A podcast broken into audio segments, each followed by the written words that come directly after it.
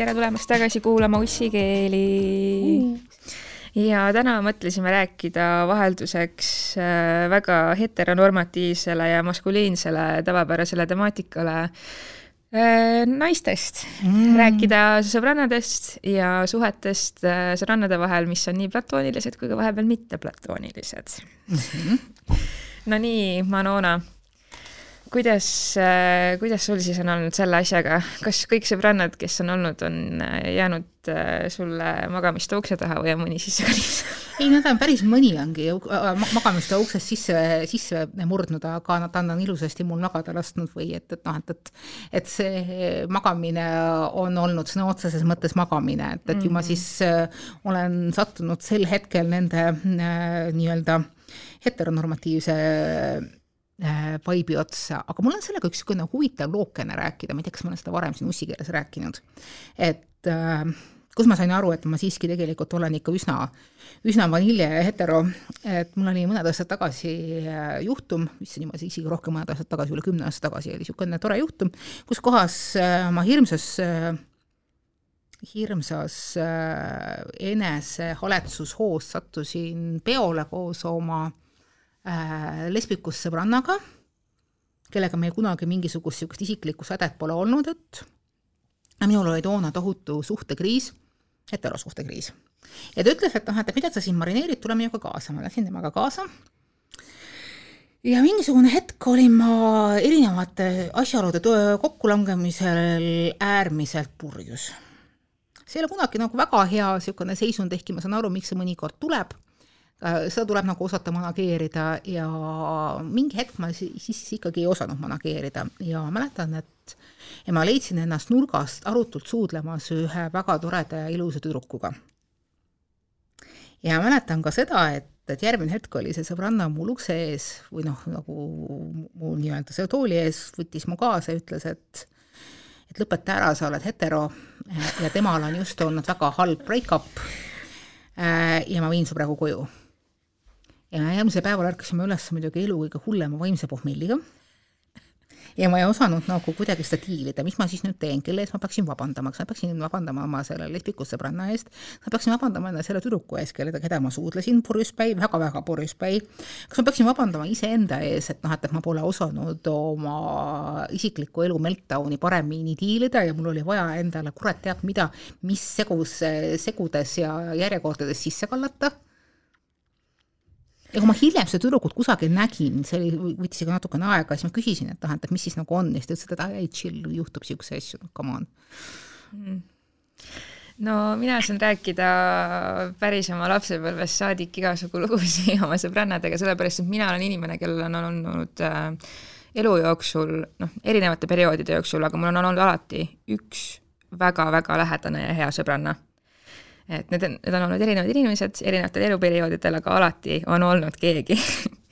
Ja see on tegelikult äh, ma ükspäev mõtlesin just selle teema peale, et, äh, et huvitav, kas need väga konservatiivsed ja heteronormatiivsed inimesed üldse teavad, et äh, et kuidas lapsed nagu juba väga, väga nagu varajases nooruses hakkavad tegelikult avastama kõike seda seksuaalsust ja kehasid ja kõike seda teemat ja ka mina tegin seda ja muidugi ei teinud ma seda mitte poistega, vaid ikka oma sõbrannadega.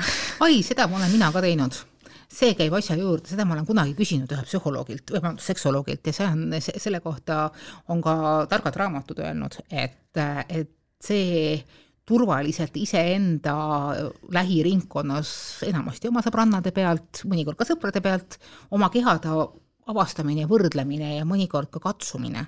Et see tegelikult on äh, üks osa normaalsest üleskasvamisprotsessist ja mida kindlasti ei tohiks äh, äh, pidada mingisugusteks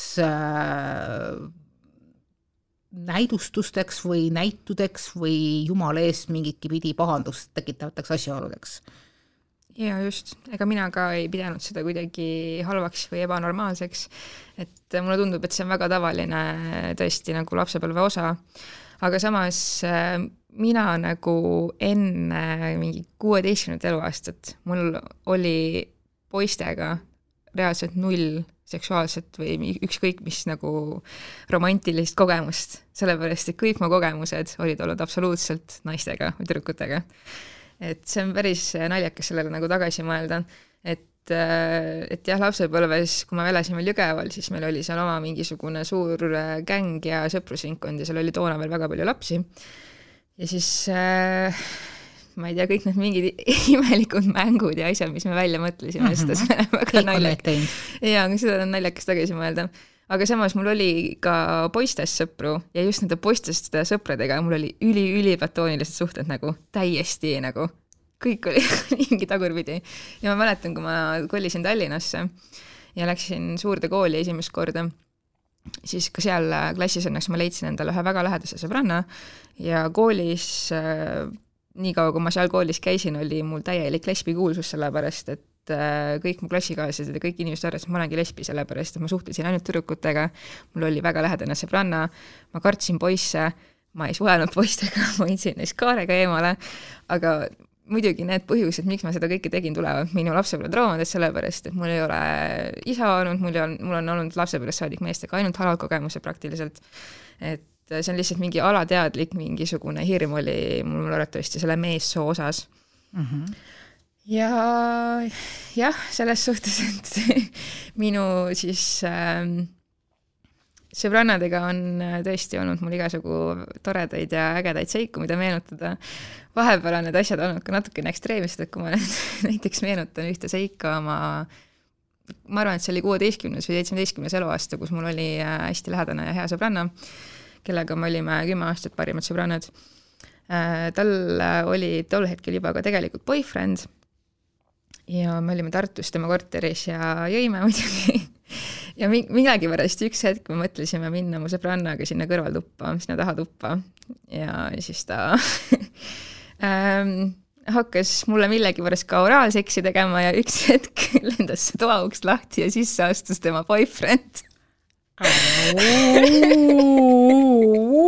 okei. ja see boyfriend lihtsalt oli nii ehmatanud, ta tõmbas selle ukse tagasi kinni ja seal ukse taga oli lihtsalt mingi what the fuck ja mis siis sai? Ja siis noh, muidugi me nagu tulime sealt toast välja ja siis küsisime, et noh, et ma ei tea, et kuidas noh, kuidas kuidas, kuidas on nagu, kuidas, kuidas sa tunned ennast, et kas sa nagu oled, kui, kui, kui petetuna sa ennast tunned nii-öelda, eks ole. Äh. aga ei, selles suhtes, et äh, see tüüp oli väga chill ja noh, arvestades seda, et mu parima sõbrannaga suhtes olles äh, ta alati purjus peaga üritas ka mulle külge ajada, siis ma ei tea, see oli mingisugune väga imelik no, kummaline niisugune kolmik, suhtekolmik. jaa, mina sellele tüübile absoluutselt, noh, ta ei olnud mul üldse nagu, mul ei olnud mingit huvi tema vastu ja ükskord, äh, kui me olimegi mingil peol ja ta hakkas mulle jälle mingi käsi külge panema ja siis ma lihtsalt üks hetk võtsin, panin käe rusikasse ja ma virutasin talle vastu nagu ja ütlesin, et nüüd aitab, sellepärast ma olin korduvalt ja korduvalt ja pikalt talle öelnud, et palun jäta mind rahule, ära katsu mind, nagu ma, ma, mulle, mulle, mulle ei meeldi see, ma, mul ei ole nagu okei okay sellega. ja ta ei võtnud seda kuulda ja mul oli lihtsalt niisugune tunne, et nagu ainuke viis, kuidas ma oma sõnumi talle kohale viin, ongi see, et ma pean talle lihtsalt nagu väga konkreetselt selle praegu selgeks tegema. ja pärast seda ta ei teinud enam mitte midagi, nii et sellest oli kasu. just. Äh, see, et, et tüdrukuid omavahel, kes väga hästi läbi saavad, nimetatakse mingisugustes äh, seltskondades lesbikuteks, see on minu meelest täpselt sama vana kui selle sõna levimine Eesti Vabariigis või siis noh, nagu Eesti Vabariiki väga algusaegadel, kus mina olin siis nagu see, see äh, hilispubekas, et ka minul oli väga hea sõbrannade grupp, see oli niisugune niisugune eel, eelajalooline Tallinna arusaam äh, postpubekalikast seksist ja linnast, kus kohas me tegime ikka selliseid trikke, et, et ja me oleme praegu võtnud otsuse, et me oma lastele nendest ei räägi. kunagi võib-olla mingisugustes memuaarides, ma kindlasti kavatsen need kirjutada, see oli ikka suhteliselt crazy'd. et me olime kolm äh, kuueteist, seitsmeteist aastast tüdrukut, kes oli just välja kasvanud pühapäevakoolist, äh, kirikust suure kaarega välja visatud ja siis läksime avastama oma elu ja maailma ja Tallinna linna ja kuigi meid narritati lesbikuteks, siis äh, toona oli see seksuaalrevolutsioon veel niivõrd äh, lapsekingades, et, et, et meie avastasime enda seksuaalsust ikkagi läbi, läbi meeste. aga võib-olla see oli lihtsalt niisugune ajastu vaim. et ma kohe kindlasti sain toona väga hästi aru sellest, et mida tähendavad, mis tähendab armastus või mis tähendab kirglikud tundmused naiste vahel, ma ei ole kunagi selles suhtes tundnud ennast kuidagi imelikuna ja kui tuli Eestisse ka jõudis see suurepärane väljend nagu panseksuaalsus, ehk sa oled armunud inimesesse, mitte tema soosse yeah., siis see oli, see oli see moment minu jaoks, et ma mõtlesin, ahaa, et, et noh, et, et et see on nagu minu meelest kõige mõistlikum asi, et sa tegelikult ei armasta sugupoolt, sa tegelikult ju armastadki inimest, sest ma arvan, et me tegelikult kõik inimesed on panseksuaalsed. sisimas, kui nad lubaksid ja. endal olla enda vastu täiesti ausad mm. -hmm. Nojah, samas ikkagi inimestel on seksuaalne atraktsioon selle vastu, kellel on, kelle vastu neil on seksua-, seksuaalne atraktsioon. Et noh, kui, kui lihtne oleks elu, kui me saaks tegelikult valida seda, kelle vastu meil seksuaalne seda küll jaa, et, et, alateadvused ja muud väga paljud naised ei valiks seda, et need oleks meeste vastu see, eks ole aga võib-olla nad ei suuda endale seda veel tunnistada, et, et noh, et, et igaüks tuleb äh, oma väikestest minikappidest välja ja läheb tagasi iseenda taktis, et, et noh, et, et hea kõik, mis nagu iseendale hea äh, no nagu noh, noh, noh nagu meeldib. Ja toona mäletan selle sõbranna suhte kõige olulisem õppetund minu jaoks oli just see tohutu enesekindluse kasv. ja toona oli eriti raske olla noor naine, sest et naine oli just värskelt saanud üheksakümnendate aastate alguses selleks kõige, kõige müüvamaks kaubaartikliks, mida üritati samal ajal nii mõnitada kui ka ära kasutada.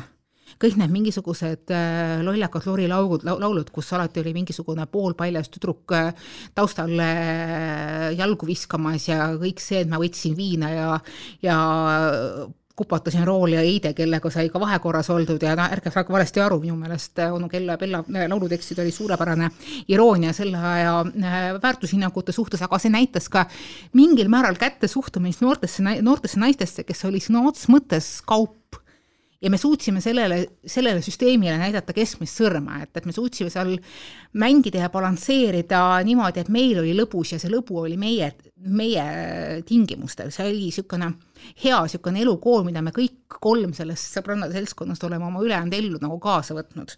et me oleme alati üritanud olla oma eludes noh, mõnikord küll äh, parema edukusega, mõnikord halvema edukusega, need, kes nagu määravad seda lõppude lõpuks ikkagi meie oleme need, kes määrame oma, oma, oma elude suunda.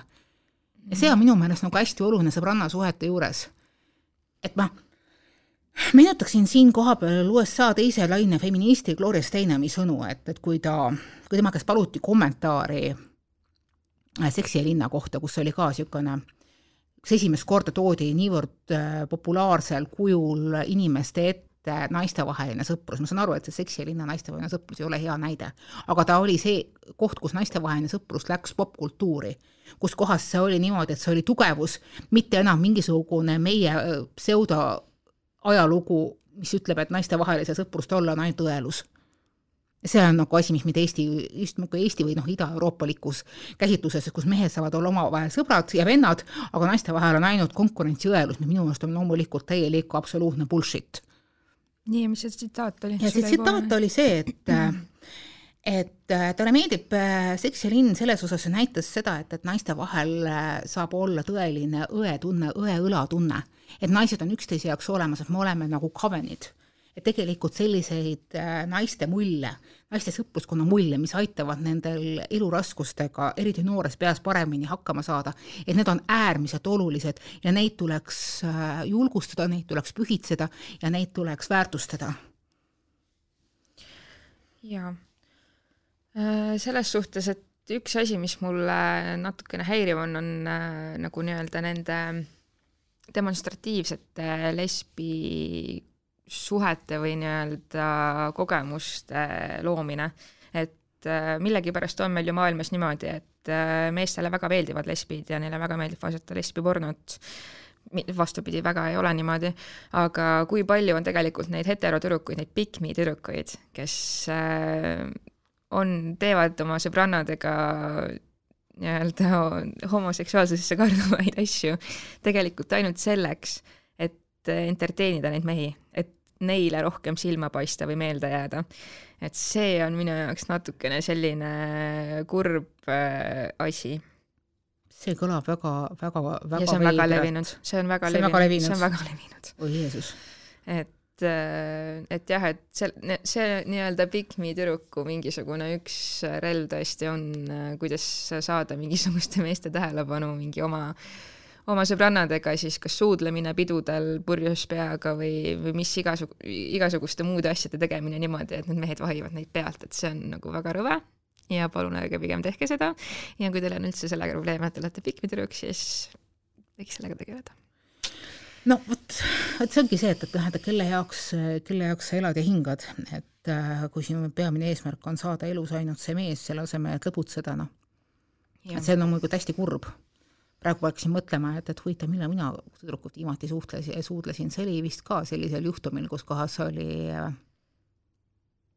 vist olen sellest kunagi rääkinud ka, et see oli väga sarnane sellele Pikmi situatsioonile, aga ta ei olnud selleks, et noh, et, et meestele närvidele käia või et meestele mingisugust huilgamismomenti tekkis, see tekkis. aga see oli lihtsalt äh,, ma sattusin tüdrukuga tantsima ja sel hetkel see moment, see suudluse moment lihtsalt ise tuli. Ja ise mõtlesime, et nii, kas me teeme selle, teeme, kas sa tahad, ma tahan, davai, suudleme. Ja see, et, et noh, et, et, et kuti seal kõrval huilgama hakkasid, äh, see on noh, nende enda probleem yeah. ja meie enda nii-öelda äh, nii-öelda need selle hetke teise pooled olid äh, sellest embust äärmiselt, äärmiselt äh, häiritud, et noh, et, et aga mis see pidi nüüd tähendama, kas seda tähendaski seda, et, et, et mina ei pea sinu järel jooksma? Ma ei pea sinu järel jooksma ja ma võin saada elust lõbu ja rõõmu täpselt enda, enda tingimustel. Ja kui see tähendab seda, et, et ma suudlen äh, keset tantsu tantsupõrandat või ükskõik mis situatsioonis kedagi, kes mulle meeldib, soost sõltumata, siis nii ongi. Kui ma peaks ennast ise ka kindlasti mingisse kasti panema või identifitseerima kuidagi, siis ma arvan, et ma ilmselt ütleks ka, et ma olen panseksuaalne.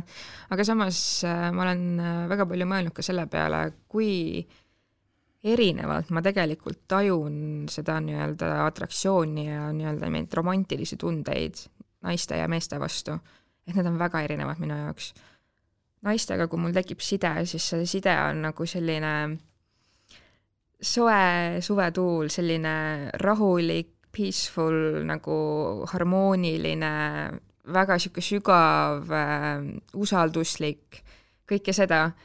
ja noh, tavaliselt siis pärast sellise suhte või sideme loomist tuleb võib-olla seal mingisugune seksuaalne või romantiline aspekt mängu.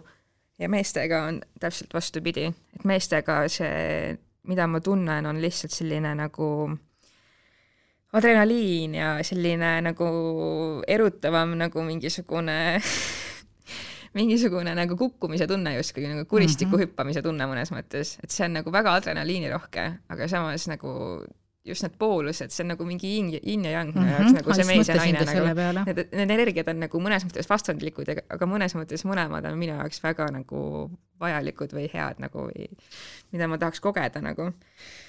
oled sa mõelnud, miks see nii on? Äh, jaa, eks, eks ikka on selles suhtes, et eks see ikka sealt lapsepõlvest jälle tuleb, et äh, olles inimene, kes kasvas üles ilma isata ja kelle ainukene mees, eeskuju või nii-öelda pereliige oli siis mu vanaisa, kes oli siis hädas alkoholismiga ja kippus ka vägivaldseks minema ja ühesõnaga kõik need jutud, ühesõnaga, et, et meestega mul lihtsalt lapsest saadik on olnud väga halvad kogemused. Ja sellest tulenevalt ka ma olen kuidagi alateadlikult alati neid kartnud mm. -hmm. no mina olen samamoodi mitte üles kasvanud oma päris isaga, mul on küll olnud meesfiguur elus piisavalt, ehk siis mul on, kasvasin üles väga tööka ja tubli kasuisaga, et kelle, kelle käest ma sain väga palju erinevaid äh, iseloomuoskusi, mille üle ma olen väga, väga tänulik, ennekõike pingutamise, pühendumise ja töökuse oskuse, et noh, et lapsel peab olema elus keegi, kes õpetab teda tööd tegema. kui sa tööd ei tee, siis noh, lõpuni ei saa kuidagi svingerdada, et, et noh, et äkki kuidagi ikka välja tuleb, mingi hetk tuleb pühenduda ja see on nagu oluline, see on see, mida mina sain oma, oma nii-öelda kasuisa figuuri käest. Ja noh, õnneks minu isa oli piisavalt lähedal mulle, et, et, et ta ikkagi suutis mulle üht koma teist ka enda olemusest anda, tema on hästi niisugune äh, tugev ja, ja isepäine tegelane ja noh, tema käest ma siiski sain selle osa, et, et et äh, minu eest ei maksa keegi ja mina ise pean oma elu eest vastutama. et see on, see on, see on üks hästi, üks, üks hästi oluline asi, aga kui ma mõtlen oma nende sõbrannasuhete peale, siis äh, siis ma mitte mingi hinna eest ei oleks tahtnud neid ära jätta, no teatud elu, eluetapid, on siiamaani minu jaoks hästi olulised. ja ma saan aru, et, et on olemas elus perioode ja mul on praegu see periood, kus mu lapsed on veel väikesed, kus ma pean keskenduma praegu enda sellele mikromaailmale rohkem. eriti situatsioonis, kus ma tahan pidada seda ametit, kus kohas ma olen tegelikult tervele maailmale valla, nagu me praegu siin ussikeeltes oleme terve maailmale valla. et ma praegu on kahjuks minu sõbrannad jäänud ka tagaplaanile kusjuures alles eile, eelmine saade rääkis sisetunnetest, minu e e eile oli niisugune sisetunne, et ma läksin õhtul poodi peale seda, kui, kui veel üks laps oli teatanud, et, et ta vist on natukene köhane või mingi, mingi jama seal on, et äh, sisetunne ütles, et, et noh, et, et ära mine sinna poodi, mine teise poodi. ja mõtlesin, et okei okay,, see teine pood on seal kuidagi nigelam ja seal on ligi, libedam tee ja ma läksin sinna ja ma sattusin kokku oma lapsepõlve kõige parema sõbrannaga. ta lihtsalt jalutas mulle vastu ja mõtlesin, et jess ma ei usu tegelikult saatusesse, aga see moment, ma ei olnud teda näinud mitu kuud, oli täpselt see moment ja ma mäletan, kuidas me noh, tal oli samuti kiire, et tal oli samamoodi, kiirustas oma perekonna juurde. ja see moment, kus me li-, nagu mingi järgmised viisteist minutit libisesime mööda neid Tallinna kõige mõttetumalt äh, liivatavat äh, täna, äh, tänavaid, kogu oma eneseväärikust kaalukausile pandus ja lihtsalt, lihtsalt lõkerdasime erinevate eluasjanduste juures ja see, kuidas me suutsime selle viieteist minutiga üksteise elust kiirkorras aga samas jällegi piisava süvenemisega absoluutselt kõik aspektid läbi võtta. see oli lihtsalt priceless, mul oli niisugune tunne, nagu keegi oleks mulle taha pannud superlaadija. ja see on see moment, miks on vaja ka keskealistele abielus pereemadele sõbrannasid. ärge jumala eest kunagi oma sõbrannasid elust ära võtke. jah, kindlasti, ma olen täiega nõus. aga ma olen mõelnud ka selle peale, et äh, et kuna ma olen hetkel vallaline ja natukene vahepeal ka seal noh, date imisturul ju vaatasin ringi ja värki, et äh, noh, ma tihti tegelikult muutsin kohtingu äppides oma selle eelistuse mõlema peale, et ta mm -hmm. näitaks mulle nii mehi kui naisi mm. -hmm. samas ma ei ole selle kahe aasta jooksul, kui ma olen vallaline olnud, käinud kordagi kohtingul ühegi naisega.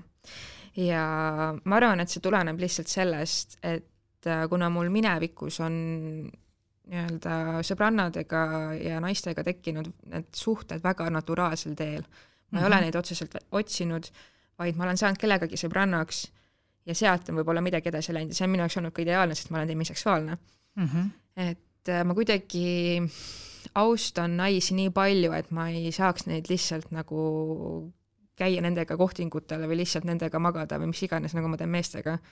sest et mehed on minu jaoks nagu hoorad, mina naisi väga austan, ma ei suudaks iialgi naist kohelda nii, nagu mehed kohtlevad naisi mina suudaks mehi kohelda nii, nagu mehi, mehed kohtlevad naisi pigem. et äh, sellepärast see on ka vist see põhjus, miks ma nagu kohtingu äppides kuidagi jah, et kui ma midagi sealt otsin, mingit tähelepanu või mingit seksuaalsust või mis iganes, siis see on pigem nagu meestega, sest mehed on minu jaoks disposable. aga kas naisi, aga kas kohtingu äppides üldse on naisi? jaa, muidugi on. ja on piisavalt niimoodi, et, et, et ei, ei, ei ole botid või, või või mingit muud mm. pidi ma ei, ma ei tea, ma arvan, et, et eks neid ikka ilmselt on vähem kui nii-öelda hetero, hetero nii-öelda suhete puhul, eks ole, et kui mehe, mees otsib naist või naine otsib meest, on ju. et ma arvan, et äh, match'i leida on ikkagi homoseksuaalina ilmselt natukene raskem, samas ma ei anna pead, sest ma ei ole nii, nii kogenud sellel alal mm.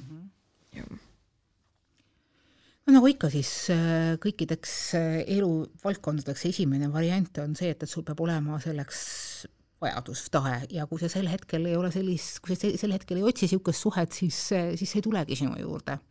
et, et kui sa avad akna, et, et, et siis, siis tulevad sellised suhted. Ja minu meelest see, mida sa rääkisid praegu, on minu meelest täiesti niisugune, see on sinu selle perioodi kirjeldus et äh, ja see on see üks osa aususest iseenda vastu, millest me kogu aeg räägime. et kuidas me maailma kuvame. ma arvan, et meil kõigil on olnud äh, elus perioode, kus me oleme suhtunud naistesse niipidi või meestesse naapidi. ja seesama äh, duaalsus, et, et noh, et, et kas murdmine või adrenaliin või kusagil kukkumine, see on asi, mida meie patriarhaalne ühiskond äh, süstib äh, ja, meie suhete vahet, suhete sisse. et praegu olles olnud viisteist aastat äh, suhtes väga, väga toreda meesterahvaga, ütleme selle kohta, et see ei pea olema kukkumine, see võib olla ka sujuv libisemine sinna sisse ja see ei ole agressioon, et, et et armastus ei ole kunagi agressioon, sest et ta peab sellest kukkumisest välja tulema ja võib-olla väga sageli need suhted lähevadki meil äh, kõige lihateed sellepärast, et, et see kuristike faas saab läbi ja ei osata kulgeda enam selles äh, rahulikul äh, teel. aga kui meid väärtustatakse seda, et, et kõik see abielu, mitte abielu, vaid see armastuse algus peab olema ilmtingimata mingi crash, boom, bang mm, -hmm. et sa pead ilmtingimata kusagile sisse kukkuma mm, -hmm. kas siis hästi või halvasti noh, see on see naljakas asi, naine kukub armastusse oh,, suurepärane mees kukub armastusse, issand vaesekene. lasid ikka endale nüüd pähe astuda, eks ju see on, see on ka naljakas niisugune asi, mis ma praegu hakkasin mõtlema, et noh, kuidas meie keelendid on toimunud yeah,. Yeah. et kui nagu suhe selle asemel, et, et olla kellegi jaoks kusagile kukkumine ülespoole või allapoole või mingit pidi, mingit muud pidi, kui ta oleks nagu niisugune sujuv protsess, kus ongi täpselt see, et, et, et noh, sa, sul on keegi kõrval, kellega kogeda lilli ja liblikaid, elu pisikesi, neid elamisväärseid äh, pisikesi boonuseid ja kui me jõuame selle momendini, siis see tegelikult näitab, et, et sellest suhtest saab asja ja meist endist saab ka asja. ja kui see, et, et see, see, see armastus on nagu koos mehe, naisega või keegi, kes ennast üldse nii binaarselt ei moe, loe, et, et see, see, see samamoodi, see ei ole nagu väärtus omaette, sest et väärtus omaette on inimene, inimene, kes sinuga connect ib. Just täpselt. ja kusjuures üks asi, mida ma olen tähele pannud nooremate generatsioonide seas, on see, et väga rohkem on levinud tegelikult see, et äh, paari suhtes, olgu see siis platooniline või mitte, on just nimelt parimad sõbrannad. ma tean juhtumeid, kus parimad sõbrannad on omavahel abiellunud, nad on äh, lapsendanud lapsed ja nad kasvatavad, äh, nad on, nad on lihtsalt leidnud oma inimese mm -hmm. ja see, see, et see inimene ei ole mees, kellega nii-öelda traditsioonilist pereelu elada, see ei ole neid takistanud et nad on äh, leidnud selle ja nad on mõlemad nõustunud, et jah, et sina oled minu, minu inimene, minu parim sõbranna, minu kõige lähedasem inimene ja mul on sinuga, ma tahan sinuga oma elu veeta. Et see, see vahet ei ole, et meil ei ole võib-olla isegi seda mingit romantilist äh, armastust või asja, et noh, sageli ka need inimesed võib-olla teidivad kõrvalt, kui nad tahavad nii-öelda mingisuguseid romantilisi või seksuaalseid suhteid. aga lihtsalt, et see nii-öelda, kui jah, et kui keegi on endale oma inimese leidnud, siis seda nagu kuidagi väärtustatakse ja seda ei kardeta enam nagu noh, nii-öelda lõpuni minna sellega mõnes mõttes, on ju, et tõesti, et me elamegi nüüd koos ja võib-olla loomegi koos perekonna, kuigi me oleme parimad, parimad sõbrannad, aga lihtsalt ma ei ole elu jooksul leidnud inimest, kellega ma tunneks tugevamat sidet kui sinuga ja see mm -hmm. on asi, mida ei saa tasub prügikasti visata. absoluutselt. ja see on asi, mis tegelikult ei vanane, see ei lähe ka sassi siis, kui sa ei ole seda inimest võib-olla vahepeal kümme aastat näinud hästi kurb on see, et kui inimesed ütlevad, et aga et noh, et, et me olime sõbrannad.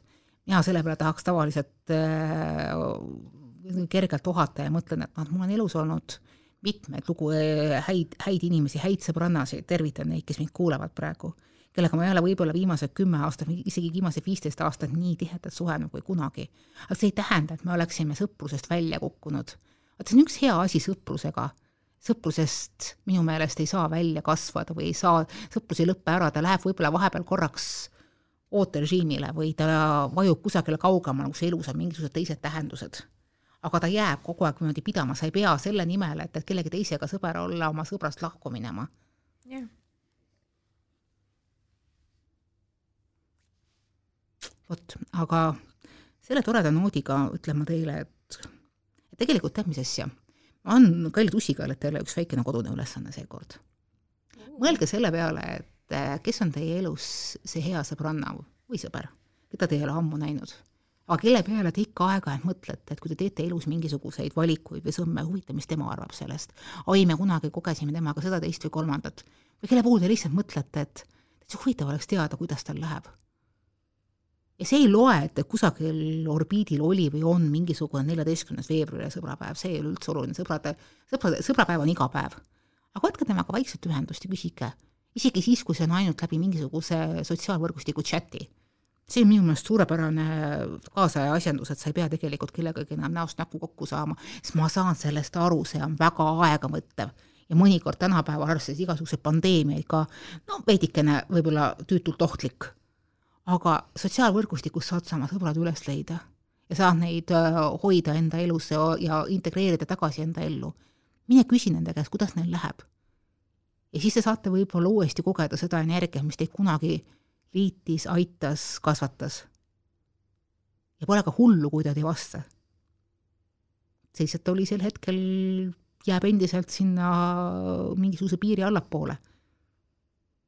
aga minu meelest hea sõprus elus on üks olulisemaid armastusi. jah, ma olen sajaprotsendiliselt nõus. ja hea sõprus ei tähenda ainult seda, et sa pead selle inimesega olema kogu aeg ninapidi koos või temaga kakskümmend neli seitse rääkima, et äh, mina oma parima sõbrannaga vahel ei räägi nädalaid, võib-olla isegi kuu aega ja siis, kui me kokku saame, siis me räägime viis-kuus tundi järjest. ja me oleme päriselt teineteisele seal toeks ja päriselt räägime asjadest, mis elus loevad mm. -hmm. just. vot, aga nagu ikka, palun kirjutage meile nussikeelete tohtorõht.ee. jaa.